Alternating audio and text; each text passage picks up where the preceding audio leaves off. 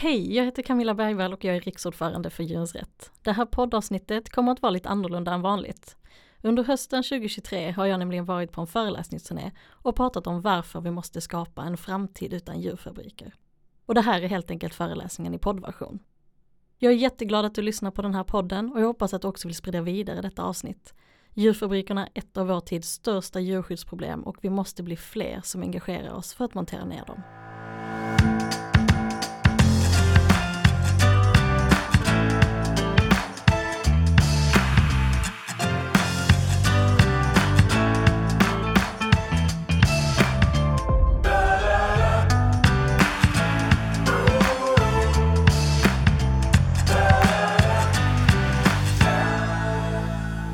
Jag själv växte upp på landet utanför en by som heter Borslöv i nordvästra Skåne.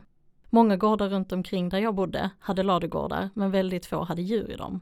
Istället fanns mest motorcykelklubbar och hälsokostaffärer i de gamla byggnaderna. Annars hade folk mest katter och hundar precis som inne i städerna. Jag fick ofta frågan från mina klasskompisar om de inte kunde följa med mig hem och klappa grisar och kor. Och jag minns att jag inte förstod varför de trodde att det fanns djur på landsbygden. Jag tänkte inte så mycket på det då, varför så många ladugårdar egentligen stod tomma. I barnböckerna och i filmerna från Astrid Lindgrens Bullerbyn så var det alltid en himla massa djur på gårdarna. Men jag förstår det nu i vuxen ålder efter att ha lärt mig om djurfabrikernas uppkomst. Att Sverige förändrats från ett land med små gårdar där djuren pickade omkring på gårdsplanen till ett land där djur föds upp i stora fabriker bakom stängda dörrar. Först när jag gick i gymnasiet så började jag öppna ögonen för hur djuren behandlas och vilken roll det spelar i en större struktur. Det var också då jag bestämde mig för att engagera mig i djurens rätt.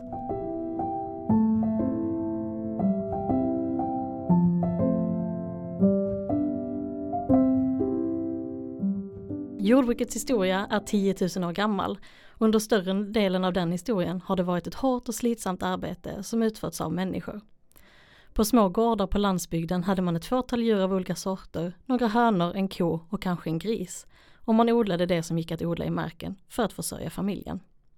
Men under 1800-talet skedde stora förändringar och människan började ersättas av maskiner i en industriell revolution. Den ångdrivna skördetröskan uppfanns till exempel i USA 1871 och en modern skördetröska gör idag ungefär 100 människors jobb. Och det låter ju som en fantastisk utveckling, där vi kan producera mer mat med mindre arbetsinsatser. Men det får fler konsekvenser än så. Särskilt för djuren, som trots att människor ofta behandlar dem som maskiner, faktiskt inte är det.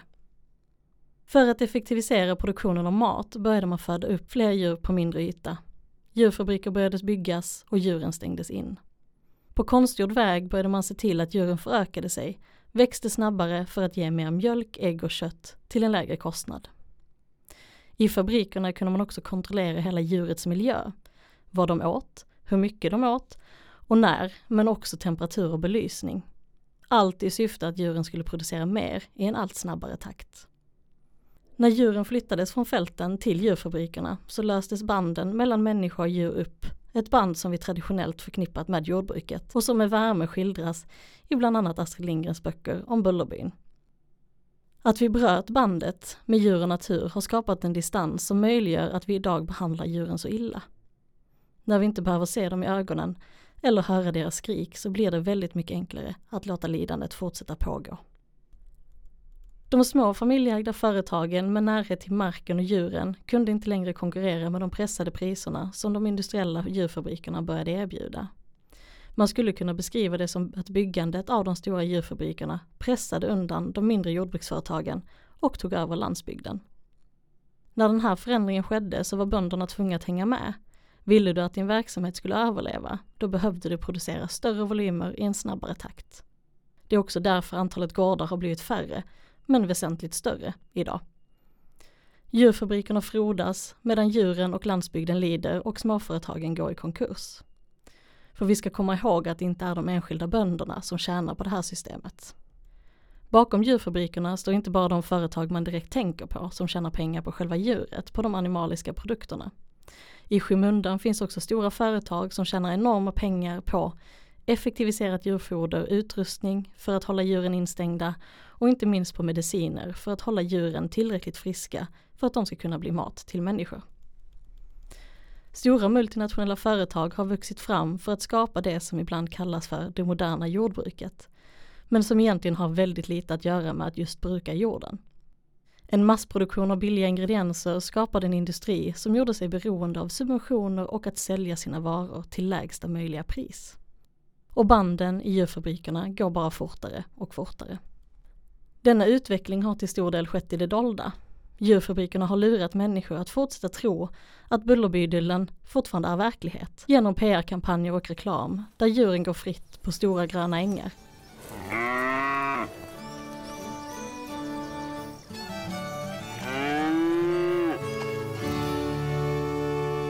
Och det är ju en ganska enkel lögn, för vi människor vill ju tro att det är så. Vi vill inte tro på det fruktansvärda som pågår i djurfabrikerna eftersom vi bryr oss om djur. Men det är dags att vi vågar se verkligheten rakt i vitögat. De allra flesta djur lever inte längre på små röda gårdar längs landsbygden, utan bakom stängda dörrar i enorma djurfabriker. Djurfabrikerna har enorma globala konsekvenser. Framför allt innebär djurfabrikerna stora brister i djurskyddet, men också risker för smittspridning och nya pandemier. Djurfabrikerna är farliga för folkhälsan och har en väldigt allvarlig påverkan på klimatet. Djurens rätts huvudfokus ligger såklart på djurskyddsperspektivet, så jag tänker att vi börjar där. Det var inte bara antal djur per gård som förändrades under industrialiseringen, utan man ville också att varje djur skulle producera mer. Från slutet av 1800-talet inriktade man sig därför på att avla fram särskilda raser som skulle ha vissa speciella egenskaper beroende på vilken industri som de skulle användas i. Som exempel så gav en ko på 1700-talet 600 kilo mjölk på ett år 1940, alltså efter industrialiseringen, så producerade en ko 3700 kilo och 1990 hade den siffran dubblerats till 8200 kilo. Och idag ligger genomsnittet på över 10 000 kilo mjölk på ett år. Det är ungefär 27 liter mjölk varje dag, alltså 27 mjölkpaket per dag som en enda ko producerar i Sverige idag. Denna ökning har till stor del skett på grund av ett intensivt avelsarbete med fokus på att höja kons produktionskapacitet. På 1940-talet så började man använda inseminering på konstgjord väg, vilket ökade möjligheterna att påverka kornas mjölkproduktion drastiskt. Enstaka tjurars spermier kunde plötsligt användas till hundratusentals kor. Samtidigt infördes nya effektiva mjölkmaskiner som registrerade information om varje ko för att effektivisera ytterligare. Detta har lett till att sjukdomar och skador blivit en naturlig del av djurfabrikerna. För kor är det till exempel vanligt med juverinflammationer, som på grund av att de blivit så stora och tunga genom avel lätt skadas mot väggar, taggtråd eller liknande och för att bakterier tar sig in genom sår eller genom mjölkningen. Det tar såklart också väldigt mycket kraft från en ko att producera så här mycket mjölk, vilket gör att deras kroppar slits ut. När en mjölkko producerar mindre mjölk betyder det också mindre ekonomisk vinst och då skickas hon till slakt. På 40-talet så fick en ko leva i ungefär 15 år innan hon ansågs uttjänad men idag får en ko i djurfabrikerna bara bli i genomsnitt fem år. Och när hon slaktas så står det på hennes plats snart en ny högproduktiv ko som behandlas som ännu en mjölkmaskin.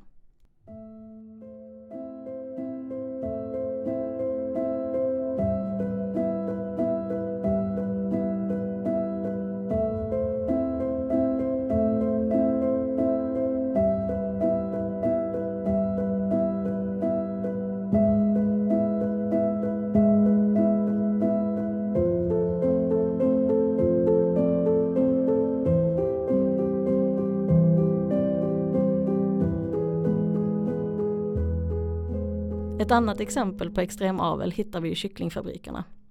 Tidigare hade hönor fötts upp för både ägg och kött, men nu börjar man avla på dem separat. En linje skulle producera så mycket kött som möjligt och den andra så mycket ägg som möjligt. Då avlade man helt enkelt på olika egenskaper samt utformade deras miljöer olika för att få den önskade effekten. Men att tvinga en kyckling till sitt genetiska maximum, det kommer inte utan konsekvenser. Från 1960-talet blev kycklingfabriker som födde upp turbokycklingar för kött allt vanligare. En turbokyckling är alltså en kyckling som genom avelsurval, specialfoder, anpassad temperatur, ljus och fuktighet ska nå slaktvikt på så kort tid som bara möjligt. Idag växer en turbokyckling från 40 gram till 2000 gram på bara 35 dagar. Detta skapar såklart otroligt stort lidande Framförallt leder det till att många kycklingar i fabrikerna inte kan röra sig obehindrat. En del av dem kan inte ens bära sin egen kroppsvikt för att de blivit så tunga. När Djurens Rätt år 2022 släppte bilder inifrån en svensk kycklingfabrik så intervjuade Aftonbladet bonden som drev just den uppfödningen och frågade hur han såg på den här utvecklingen. Och bonden svarade att det är en ruggig genetisk utveckling men att han förväntas leverera kycklingar som väger 1,6 kilo per individ efter en månad. Systemet är riggat så, för även om en individuella bönder skulle vilja göra annorlunda så är systemet uppbyggt så att den enskilde i princip är maktlös. Du måste hålla tempot och omfånget om du vill vara lönsam. Kycklingarnas öden är dessutom förutbestämda redan i ägget. De kommer växa så fort att de får ont, oavsett vad bonden försöker göra. Det är en biologisk bur, skulle man kunna säga. Utöver den plågsamma avlen så skapar den trånga miljön djuren befinner sig i också lidande. Djurfabriken har blivit allt större i en snabb takt med fler djur på mindre yta. Vanligt i kycklingfabrikerna är att djuren av tristess eller frustration biter eller pickar på varandra. De kan också skadas av inredningen som ofta är hård och smutsig. Kycklingar får dessutom ofta frätskador på fötterna av att gå i sin egen och andras avföring i fabrikerna. I takt med den här effektiviseringen har också särskilda slakterier byggts upp för att hantera den stora mängden djur som ska slaktas. Detta har lett till att det pågår plågsamma transporter över hela världen, även i Sverige. Särskilt plågsam är transporten för kycklingar, som för att de är så pass små packas väldigt tätt i djurtransporterna.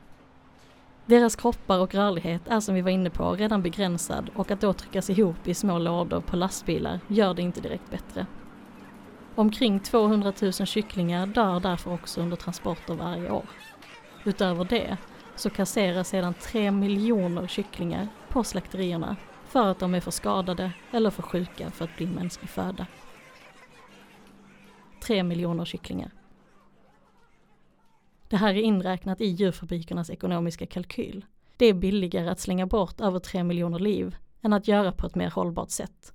Så lite är en kycklingsliv värt i djurfabrikerna. Den intensiva avlen och storskaligheten är två av de största djurskyddsbristerna i djurfabriken och leder till väldigt stort lidande. Men hur kan det få se ut så här i ett land som påstår sig ha världens bästa djurskydd? Den svenska djurskyddslagen, den säger att djur ska skyddas mot onödigt lidande och sjukdom och att de har rätt till naturliga beteende samt att deras välfärd ska främjas. Visst låter det bra? Kontrasterna till verkligheten i djurfabrikerna är däremot väldigt stora. Det beror på att Jordbruksverket bestämmer föreskrifterna, alltså detaljerna, om hur djur får hållas i Sverige. Det kan handla om allt ifrån utevistelse till burstorlekar. Jordbruksverket är som man hör inte en djurskyddsmyndighet utan ska balansera både industrins intressen och djurens. Samma sak gäller för landsbygdsministern, som är den minister som har djurfrågorna i sin politiska portfölj. Han värnar samtidigt djurfabrikernas ekonomiska intressen och djuren förlorar så gott som alltid den ekvationen. Det är också därför Djurens Rätt jobbar hårt för att få till en djurskyddsmyndighet och en djurskyddsminister. För att särskilja djurens intressen från djurfabrikernas intressen. Vi måste ha en djurskyddslag som är mer än tomma ord. Något som också blivit otroligt påtagligt de senaste åren är djurfabrikernas roll i spridningen av smittsamma sjukdomar. Coronaviruset är bara en i raden av alla snabbspridande sjukdomar som orsakats av virus hos djur som korsat artbarriären och infekterat människor. Av de ungefär 1400 smittämnen vi känner till idag kommer ungefär 60% ursprungligen från djur. Nästan varje år upptäcks nya smittor hos djur som utgör ett allvarligt hot även mot människan. Förutom covid-19 kan man nämna till exempel aids, svininfluensa, sars, ebola och fågelinfluensa. Och experter hävdar att en av de största riskfaktorerna för fler pandemier just nu är den konventionella uppfödningen av djur, alltså djurfabriker. Trängslen och den stora genetiska likheten hos djuren i fabrikerna gör att det är ideala miljöer för snabb spridning av virus. Den höga produktionstakten som orsakar kronisk stress försvagar dessutom djurens immunförsvar. Dessutom utgör transporterna av både djur och foder risker för att smittor ska spridas vidare. Situationen med fågelinfluensa i EU är den värsta sedan viruset blev känt. År 2022 avlivades över 50 miljoner tamfåglar i Europa för att stävja smittan. Men även vilda fåglar riskerar att drabbas och den biologiska mångfalden skadas. Forskare är överens om att kycklingfabriker och äggfabriker är orsaken till smittspridningen på grund av de trånga utrymmena där smitta sprids snabbt. Redan i år har vi kunnat se flera smittoutbrott i Sverige där tiotusentals djur har avlivats. Flera forskare har kallat fågelinfluensan för en tickande bomb. Så småningom kan människor smittas och därefter kan smittan spridas från människa till människa och då kan vi ha en ny pandemi. Det är särskilt oroande att det nu kommit rapporter om hur fågelinfluensa har spridits till däggdjur.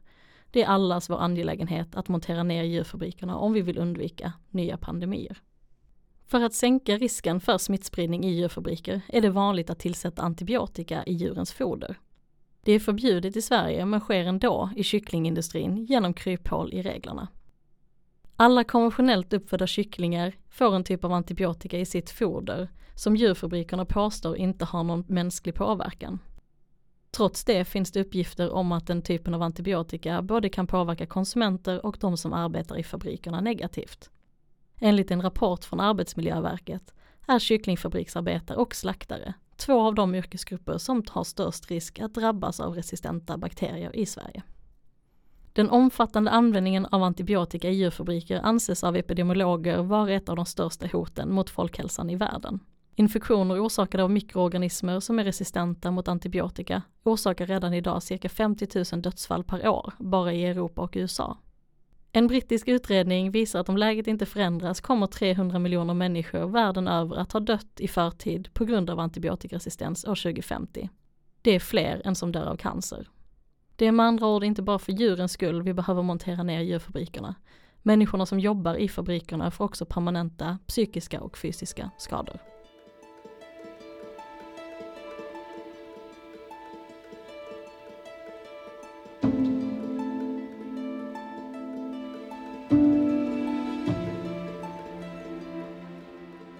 Djurfabrikerna är också skadliga för klimatet, även om det sällan pratas om det i media. En nyligen gjord undersökning från Faunalytics och Sentient Media visade att väldigt lite mediebevakning om klimatförändringar fokuserar på djurfabrikerna, trots att djurfabrikerna är en stor del av problemet. Istället för att media skriver om hur djurfabrikerna och vårt ohållbara livsmedelssystem bidrar till klimatförändringar, så porträtterar de istället ofta branschen som passiva offer för torka eller för skyfall till exempel. Detta trots att kött är den livsmedelsgrupp med störst negativ klimatpåverkan. Tillsammans med mejeriprodukter orsakar produktionen av kött mer än hälften av jordbrukets totala mängd växthusgasutsläpp. Kycklingindustrin som ibland hävdas vara klimatsmart genererar upp till tio gånger mer växthusgasutsläpp än motsvarande växtbaserat proteinalternativ. Dessutom används mängder med soja i kycklingfabrikerna. Turbokycklingar får foder med runt 30% sojaprotein vilket innebär att det går åt mer soja för ett kilo kycklingkött än för ett kilo vegetabilisk sojafärs. En uppskattning som har gjorts visar att det går åt 100 000 ton soja varje år. Det är mer än 6 500 fullastade lastbilar som bara går till kycklingfabriker i Sverige. Naturvårdsverket skriver i en rapport att det inte finns något klimatvänligt med kycklingproduktion så länge inte miljövänligare, mer närproducerat foder börjar användas.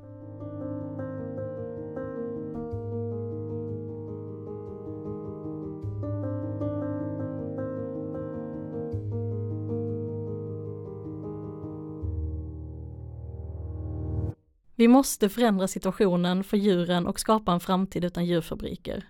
Och Djurens Rätt ser tre tydliga vägar framåt. Det gäller att vara konstruktiv. Den första vägen handlar om att den djurskyddslag vi är så stolta över måste följas även i praktiken. Det innebär att turbokycklingar måste förbjudas, fler djurarter ska ha rätt att komma ut och plågsamma bedövningsmetoder måste fasas ut.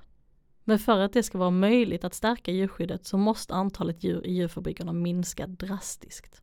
Det går inte att ha ett starkt djurskydd när miljontals djur föds upp och dödas på löpande band i det här tempot. Vilket också leder oss in på nästa väg framåt. Vi måste satsa mer på växtbaserad mat. Det handlar dels om att rikta om de subventioner som idag går till djurfabrikerna och erbjuda åtminstone rättvisa konkurrensvillkor för den som vill satsa på växtbaserat. En av anledningarna till att animaliska produkter i flera fall är billigare än växtbaserade motsvarigheter är att vi invånare redan har betalat för de animaliska produkterna en gång via våra skattepengar. Den växtbaserade innovationen får bara en bråkdel av detta stöd. Ny forskning från Stanford University visar att USA och EU under perioden 2014 till 2020 subventionerat kött och mjölkindustrin med 488 miljarder kronor. Detta måste förändras om vi ska nå en hållbar framtid med ett hållbart livsmedelssystem. Det behöver satsas på vego i såväl offentlig sektor som från företagen och här jobbar Djurens Rätt intensivt med dialoger med olika aktörer som vill ta större ansvar. Vi måste göra det enklare för konsumenter att välja djurvänligt. Det måste vara lätt att välja rätt och då måste de växtbaserade alternativen bli mer tillgängliga. Sist men inte minst så måste vi montera ner djurfabrikerna. De allra flesta människor bryr sig mycket om djur och vill att djur ska behandlas väl. Vi vill nu samla alla som på riktigt vill se ett djurskydd värt namnet i Sverige och se till att djurfabrikerna stoppas, monteras ner en gång för alla. Tillsammans kan vi återskapa relationen med djur och natur som bygger på ömsesidig respekt och inte på systematiskt utnyttjande och lidande. Om vi inte monterar ner djurfabrikerna riskerar vi nya pandemier, antibiotikaresistens, eskalerande klimatförändringar och framförallt så kommer miljontals djur att fortsätta lida. Det är dags att stoppa det systematiska lidande som pågår i djurfabrikerna, en gång för alla.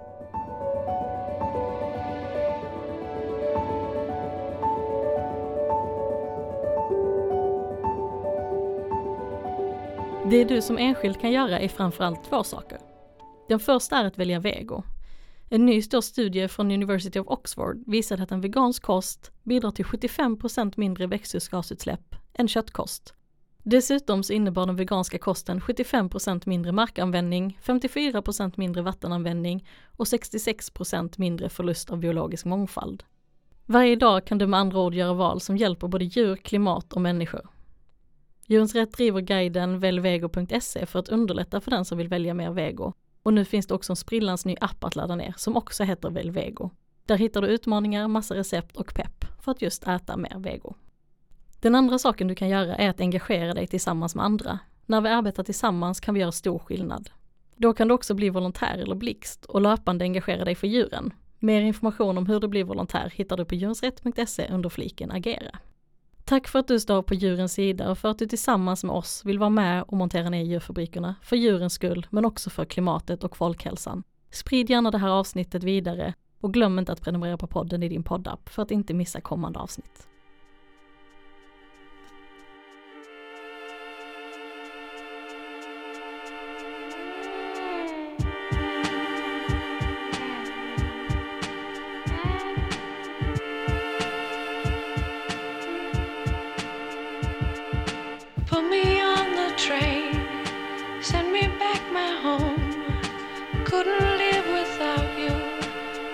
Tried to roam.